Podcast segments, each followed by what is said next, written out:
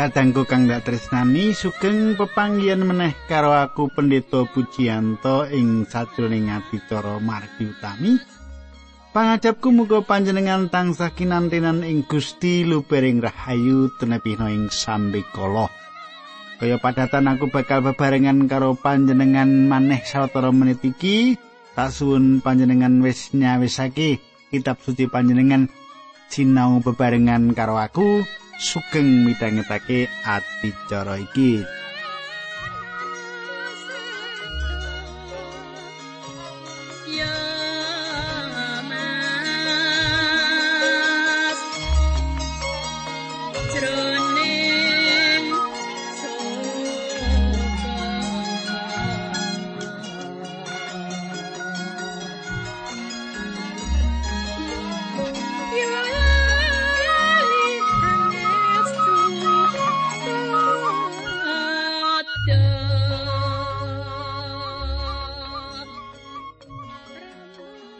Kadangku kang dak tresnani tak suwun panjenengan isih kelingan apa-apa sing ndak anerake ana ing patemon kita kepungkur. Kepungkur aku ngaturake marang panjenengan manawa kasucine Allah ora bisa disepelekake, ora bisa diremehke. Paugeran lan dawuhe Allah ora bisa diterak dening umat. Mula saben wong Israel sing ora tuhu marang Allah bakal kasrimpet ing paukuman kang abot. Kepriyes banjure carane Allah ngendhaleni kagungane supaya dadi bangsa sing turip suci lan kuncara dadi bangsa pilihan Allah. Monggo kita ndedonga dhisik sadurunge tak dherekake panjenengan nyemak perkara-perkara iku. Kita ndedonga. Duh Kanjeng Rama ing swarga kawula ngaturaken gunging panuwun menawi wekdal menika kawula saged tetunggilan kalian sedherek kawula ingkang setya midhangetaken adicara menika. Kawula nyuwun Gusti berkahi lan Gusti nuntuni ing salebetipun Gusti Yesus Kristus kawula ndedonga. Haleluya. Amin.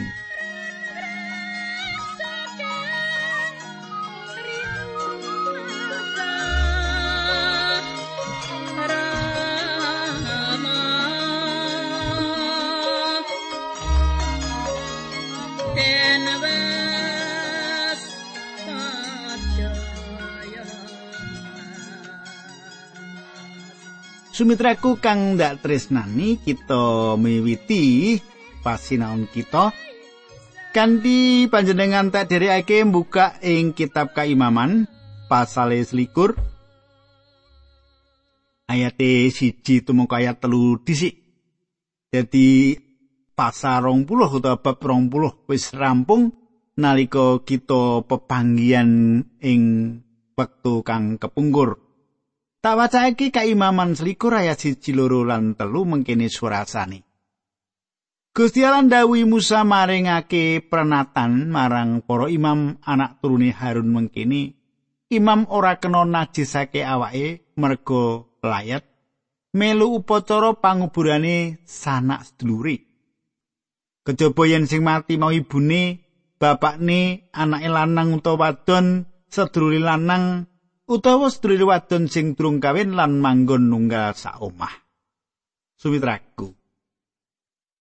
Mati iku hukuman tumrap dosa. Mati iku hukuman kanggo dosa. Imam ora kena kagebok dening dosa. Singgulan karo jasate manungsa utawa layone manungsa utawa kewan kagolong nak najis. Imam bisa atur bila sungkawa nanging ora kena demek utawa singgulan karo jasate sing mati. Saiki kaimaman selikur ayat papat nganti limo. Imam ora kena najisake awake merga layat wong mati sing ana alurani sedulur kadang katut. Imam ora kena nyukur sirai perangan sing endi wae. Ora kena ngethok jenggute utawa natoni awake nganggo piranti landhep kanggo nelakake ngene susah merga kepaten. Katangku, natoni awak nganggo barang landhep iku kaya dene upacara kesusahan jalaran kepaten tumrap wong sing durung pracaya marang Allah. Wong kang manembah broloduk jaman semono menawa susah awake ditatoni nganggo gaman kang landhep. Minangka tandha yen wong mau susah tenan mengkono. Nanging tumrape wong sing percaya karo Allah perkara kang mengkono kuwi. Lelakon kang mengkono kuwi Gusti ora marangake kaya kang ditulis ing kaimaman selikur ayat papat dan limo mau. Saiki coba panjenengan gatekake kaimaman selikur ayat 6.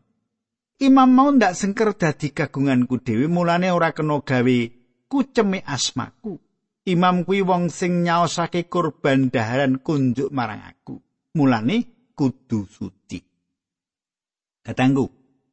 Kalungguhan imam merlokake kapribaden sing bakoh lan mrebawani. Bisa ngendhaleni diri pangraitane kudu landhep. Jalaran apa? Jalaran imam iku wakili Allah ing bumi. Kapribaden sing kaya ngono kuwi dibutuhake kanggo para pendeta ing gereja ing jaman saiki. Kadangku nek pendeta miyar miyur ora duwe kemantepan ya kurang bako omongane clegar clegur ora mrebawani kurang bisa ngendhaleni diri luwe-luwe panggratane kurang landep terus kira-kira panjenengan seneng nek duwe pendeta sing kaya mangkono kuwi pendeta zaman saiki kadangku kalungguhan kapanditan. Jaman saiki mbutuhake kapribaden sing bakok. Awit tantangan umat saiki akeh banget. Menawa pendeta duwe kapribaden sing bakok. Wah, iku digoleki. Dadi paran pitakonan lan tentune uga duwe pangaribawa. Bisa ngendhaleni diri bab apa wae lan duwe pangreta sing ladhep. Kapribaden kang kaya mengkono kuwi dibutuhke jaman saiki dibutuhake. Akeh gereja saiki dipendhetani wong sing ora iso ngendhaleni diri. Ora ndek pangreta sing landhep.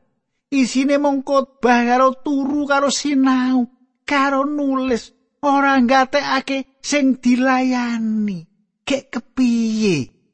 kamangka jaman saiki akeh umat sing duwe masalah-masalah perlu tuntunan perlu pitutur perlu tembung-tembung sing iso nguwatake nek ora iso pendeta ora iso ngendhaleni diri ora ndek kapribaden sing bakoh wah rak umate rebah kasulayah tak terusake ka imaman selikur ayat pitu nganti wolu Imam ora kena kawin karo wanita tilas tuna susila utawa wong wadon sing dudu prawan utawa wong sing pegatan merga imam kuwi duweku dhewe. Imam kudu ngakoni lan rumangsa dadi wong sing ndak sengker kanggo aku dhewe merga dheweke kuwi wong sing nyaosake kurban daharan kunjuk marang aku. Aku iki Allah kang suci lan kang nucekake umat. kadangku imam kudu nggambarake kasucene Allah jalan kalungguhane. Imam tansah cecedhakan karo Allah jalaran pancen kewajibane ngladosi Allah. Semono uga kadangku nek kita terapake marang para pendeta. Kita terapake marang majelis. Wis sak mestine yen wong-wong sing dadi majelis, wong-wong sing dadi pendeta kudu dadi tepo palupine wong pracaya sumrambah masyarakat ing ngendi dheweke kuwi? Mapan.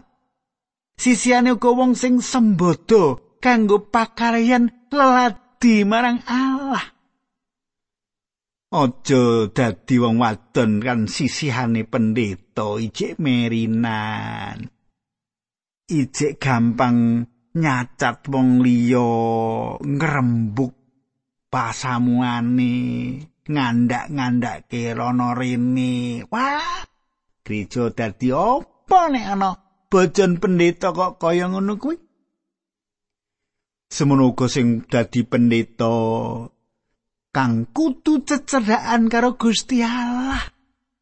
Kewajiban nglayani Gusti Allah aja kenduk tetep semangat dadi suri teladan wong pracaya sumrambah masyarakat ing kiwa tengeni.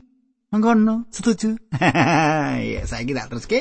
Kaimaman selikur ayat songo yen anake wadon imam dadi wanita tuna susila kuwi ngino bapakne mulane kudu diobong nganti mati. Kadangku coba gatekke pangandikan iki kenapa kok mengkono?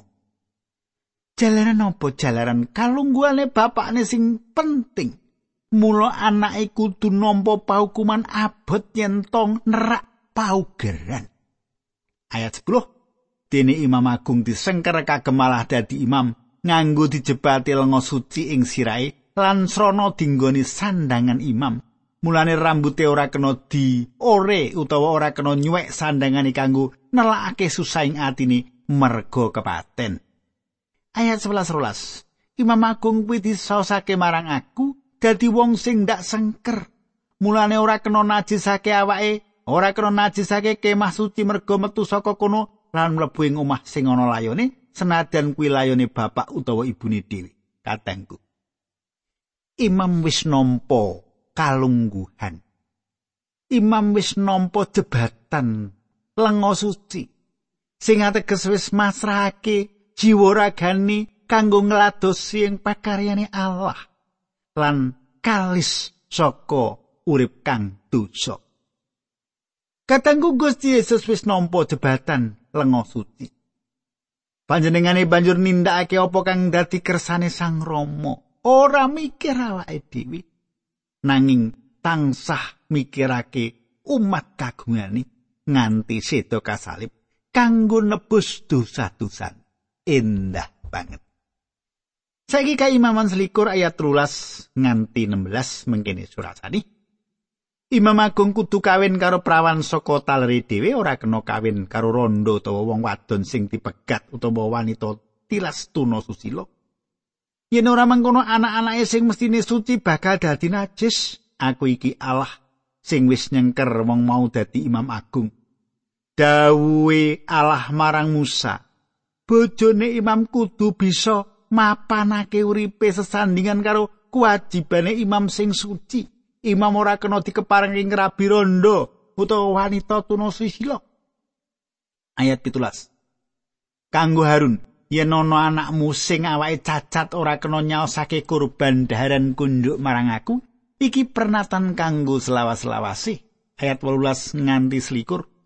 Wong sing awake cacat ora kena nyaosake kurban kaya to wong wuta, wong lumpuh, wong sing cacat irungi.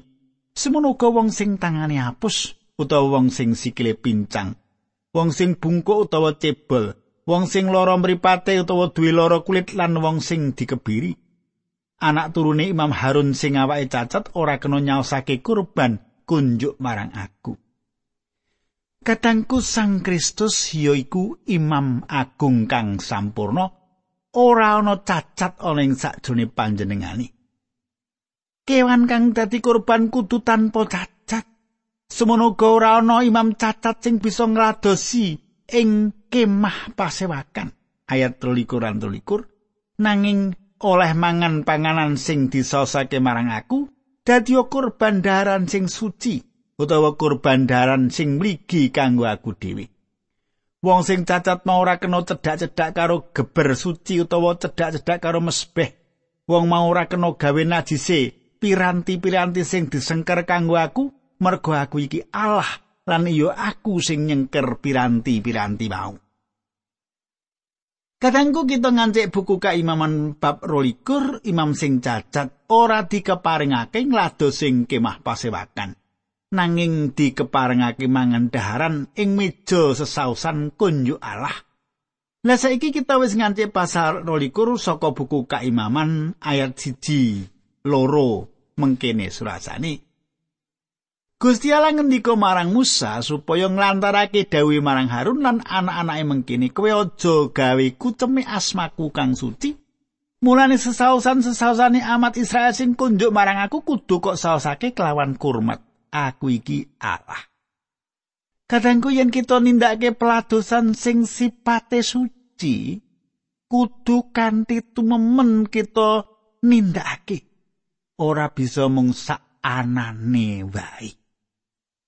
Yen panjenengan kapurih khotbah, siap sing tenanan gitu. Aja nganti engko munggah mimbar pletat, pletot omongane ngalor ngidul gitu. Nek pancen peladosan iku panjenengan anggap suci. Saiki ayat telu nganti ayat pitu. Kaimaman bab rolikur mangkene surasane. Yen salah sijine anak turun musing kaanane najis, mongko nyedhaki sesaosane umat Israel sing kunjuk marang aku, wong mau ora kena nyaosake kurban meneh ana ing mesbeh. Aku iki Allah. yen ana anak turune Harun sing lara kusta utawa nandang memolo ngetokake mani wong mau ora kena mangan sesausan suci yen durung ditetepake resik manut pernatane agama imam dadi najis menawa ngepok barang sing najis merga saka layon imam uga najis yen nandang memolo ngetokake mani utawa yen ngepok kewan utawa wong sing najis imam sing najis kuwi najise tekan surup sawise surup wong mau durung kena mangan barang sesausan menawa durung adus. Sawise adus lagi kena mangan saka sesausan suci mau, merga kuwi pancen pangani. Imam ora kena mangan dagingi kewan sing mati, ngurak tawa sing matine merga dimangsa kewan galak. Yen mangan imam mau dadi najis, aku iki Allah. Ayat songo. Kabeh imam kudu netepi pernatan-pernatan sing wis ndak tetepake. Yen ora, bakal keluputan lan namahi mati mergo nerak pernatan-pernatan sing suci mau aku iki Allah lan aku sing nyengker para imam dadi kagunganku katangku uripe imam kudu suci sak sempurnane uripe imam kudu tangsa dadi tulodo imam ora duweni wewenang mirunggan kenajisane imam lan wong Israel kudu kasucikake kanthi upacara kurban Saiki kaimaman bab 12 ayat 10 nganti ayat 16. Mengkini suratane. Sesausan sing disengker kunjuk marang aku mong oleh dipangan tining berayati imam dewi. Wong liya ora kena senadan dadi saomah utawa nyambut gawe kanggo imam. Nanging batur tukone imam sing dituku lan dibayar nganggo duwite imam dhewe utawa lair ing omahe imam mau oleh mangan pangan sing kanggo imam mau. anake wadon imam sing kawin karo wong dudu imam ora kena mangan saka sesausan sing disengker kunjuk marang aku nanging yen wis rondo utawa pegatan lan ora duwe anak lan wis mulih ing omahe wong tuane sarta uripe gumantung wong tuane oleh mangan pangan sing kanggo imam mung brayati imam dhewe kena mangan saka sesausan sing digawe kurban katanggu panjenengan pirsa yen mung para putrane Allah sing bisa nyembah marang Allah Saiki ayat 14, 15, 16. Menawa ana wong sing dudu brayate imam ora kejarak mangan saka pangan sesausan suci mau, wong iku kudu ngijoli regane pangan mau kabeh diluwi sak prolimane. Para imam ora kena aweh dadaan nganti sesausan sing kunjuk marang aku dicecamah. Ayat 16. Mergo nglilakake sesausan suci mau dipangan wong sing ora wenang mangan, kuwi bakal njalari wong mau keluputan lan kena paukuman aku iki Allah lan aku sing nyengker sesausan mau. Katangku senajan orang ngerti anane isi angger-angger sapa sing nyimpang saka angger-angger mesti bakal kepatrapan paukuman. Saiki bab 12 ayat pitulas nganti ayat rong puluh mengkini serasani. Gusti Allah ngendika marang Musa supaya nglantarake dawuh marang Harun, anak-anak lan umat Israel kabeh pernatan-pernatan mengkini. menawa ana wong Israel utawa wong manca sing manggon ing kono nyaosake kurban hubungan kanggo ngluwari kauli utawa kanggo saos syukur metu saka rilaning atine dhewe kewan sing dinggo kurban kudu lanang lan tanpa cacat supaya ditampa dening Allah. Menawa kewane ana cacate Allah ora bakal kersa nampa. Kadangku kurban ora bisa ana cacate sebab iki gambaran saka Sang Kristus sing tanpa cacat. Kurban kanggo dosane jagat iki yen nganti nglanggar paugeran baku iki dianggep ngremehake dasar bab pribadine Sang Kristus sing suci. Kaimaman rolikur ayat selikur rolikur nganti wolulikur. Menawa ana wong nyaosake korban keselamatan kunjuk marang Allah kanggo ngluwari kaule utawa kanggo saos syukur metu saka rilaning atine dhewe, kewane kudu tanpa cacat supaya ditampi dening Allah. Aja nyaosake korban marang Allah kewan sing picak, sing balunge tugel, sing buntung, sing wudenen sing ana nanae sing kena lara kulit utawa gudiken kewan-kewan sing mengkono mau aja kok saosake kanggo kurban daharan ana ing mespeh kurban sing disaosake metu saka rilaning atine dhewe mau kena rupa kewan sing cacat awake nanging kewan sing mengkono mau ora kena kanggo kurban ngluwari kaul. Ora kena saos kurban kunjuk marang Allah rupa kewan sing dikebiri srana dicepit diiris, digecak utawa diketok, aja ana sing nglakoni panggawe mengkono mau ing tanahmu. Kewan pawewe wong manca ora kena digawe kurban daharan. Kewan sing mengkono mau dianggep cacat dadi ora bakal ditampi dening Allah. Ayat 6 nganti 8 Pedet cempe wedhus gembel utawa wedhus Jawa sing mentas lair kudu diworake karo mbok ning nganti pitung dina lawase sawise kuwi lagi kena kanggo saus kurban daharan. Sapilan pedhete wedhus gembelan cempene, wedhus Jawa lan cempene aja digawe kurban nunggal sedina. Kadangku kewan cacat kudu ditolak yen kanggo kurban. Laling kene Israel gagal, ora bisa netepi aturan saka aturi para nabi marang Allah. Israel padha nggawa kurban kewan cacat. Bisa panjenengan waca ing Maliaki 1 ayat 6. Pangeran Allah kang mau kuwasa ngendika marang para imam mengkene anak lanang ngurmati bapakne lan batur ngurmati bendarane aku iki bapakmu ya gene kowe ora ngurmati aku. Aku iki bendaramu ya gene kowe ora wedi karo aku kowe ngremehake aku. Ya wis ngono kowe padha takon. Mawi cara kados pundi anggen kawula ngremehake paduka? Ayat pitu nganti songo Carane nggonmu ngremehake aku ya iku israna nyaosake daharan sing najis ana ing mesbehku. Nanging kowe munjuk pitakon kados pundi caranipun nggen kawula najisake mesbeh paduka? Merga penganggepmu sing angkuh mesbeh pangeran dadi kok sepele ati. Yen sing kok saosake kanggo kurban marang aku kuwi kewan picak utawa laranen utawa pincang apa saka pangiramu kuwi becik. Coba kewan mengkono iku aturna marang bupatimu, apa wong mau bakal seneng karo kowe lan ganjar marang kowe? Ayat songo. Mulane kowe para imam yen kowe nyuwun sing becik kanggo kita. Panjenengane bakal ora miarsake pandungamu lan kuwi mergo salahmu dhewe. Ayat 13 pangucapmu aku wis bosen karo kuwi mau kabeh. Kowe banjur ndangak karo ngejepi aku. Semosok kowe wis saos pisusung marang aku rupa kewan colongan utawa kewan sing pincang utawa sing laranan apa kok kira aku kersa nampeni korbanmu kuwi? Ayat 14. Cilaka wong julik sing ngorbanake kewan cacat marang aku. Mongko ing antarané pepantane wedusi ana kewan sing becik sing wis dipisahke arep disaosake marang aku. Apa aku iki dudu ratu sing luhur lan bangsa-bangsa salmeng bumi padha ngurmati aku. Katengku. Coba panjenengan angen bayangake wong Israel iki anggone ngurmati Allah. Nek ngaturake pisungsung ora sempurna. Bisa uga jaman saiki ya mengkono ngaturake ngaturake pisungsung marang Gusti Allah. Golek sing pecahan-pecahan mangkono ya. Sing gedhe-gedhe sing apik-apik pisungsunge ora diaturake Gusti Allah kabeh digelenggem dhewe. Iya.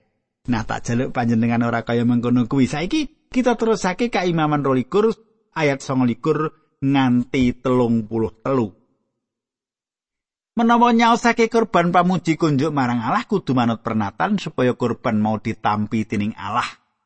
Kurban kudu dipangan ing dina iku lan ora kena dingengeh tekan esuke. Kadangku iki gambaran bapa sing menehi kanthi katresnan marang anake. Ayat 31. Gusti Allah ngendika, "Dawuh-dawuhku tetep ana, aku iki Allah." Aja gawe kuceme asmaku. Umat Israel kabeh kudu ngakoni yen aku iki suci. Aku iki Allah kang nucekake kowe kabeh. Ayat 33. Aku ikang ngirit kowe metu saka ing tanah Mesir supaya aku dadi Allahmu. Aku iki Allah. Kadangku umat Allah kudu bisa dadi seksine Allah uga. Asmane Allah sing suci kudu bisa dirasakake ana upacara panembah marang Allah. Dr. Andrew Bonar duweni panemu sing kudu bisa dirasa ing panembahan. Siji ingsun iki Allah. loro ingsun iki suci ing tengahing bangsa Israel ingsun Allah sing nyucikake papat ingsun iki Allah sing ngentasake kowe saka tanah Mesir limo ingsun iki Allahmu kahanan sing suci adil kudu bisa dirasake ning kebaktian kita awit kita wis diwilujengake sarana sih rahmat tegese tanpa nganggo prabiyo yen kita dadi wong Kristen sejati kudu terus ngladosi Allah jalaran anggone tresno marang Allah. Ayo kita ndedonga dhisik. Kanjeng Rama ing swarga kawula nyuwun supados kawula menika saged dados lantaran paduka mbuktekaken bilih paduka menika tresnani kawula. Matur nuwun sanget Gusti linambaran asmanipun Gusti Yesus Kristus kawula ndedonga. Haleluya. Amin.